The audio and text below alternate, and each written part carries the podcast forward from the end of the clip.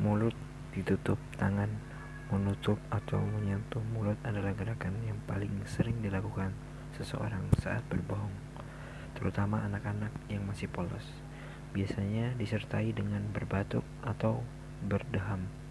Reaksi menutup mulut dan berbatuk ini adalah refleksi. Tanpa disadari, otak kita menyuruh tangan untuk menghentikan kata-kata bohong yang kita ucapkan. Orang secara refleks menutup mulutnya saat berbohong, berusaha menghentikan mulutnya untuk mengeluarkan kebohongan.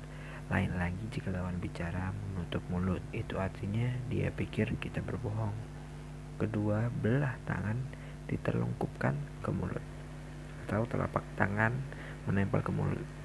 Selepas seseorang mengeluarkan kata-kata dusta, sikap tubuh semacam ini biasanya dilakukan oleh anak-anak yang berbohong, tetapi kadang-kadang juga muncul pada orang dewasa seperti dilakukan oleh Bill Clinton dalam kasus Monica Lewinsky. Gerakan ini terjadi secara ilmiah, alamiah.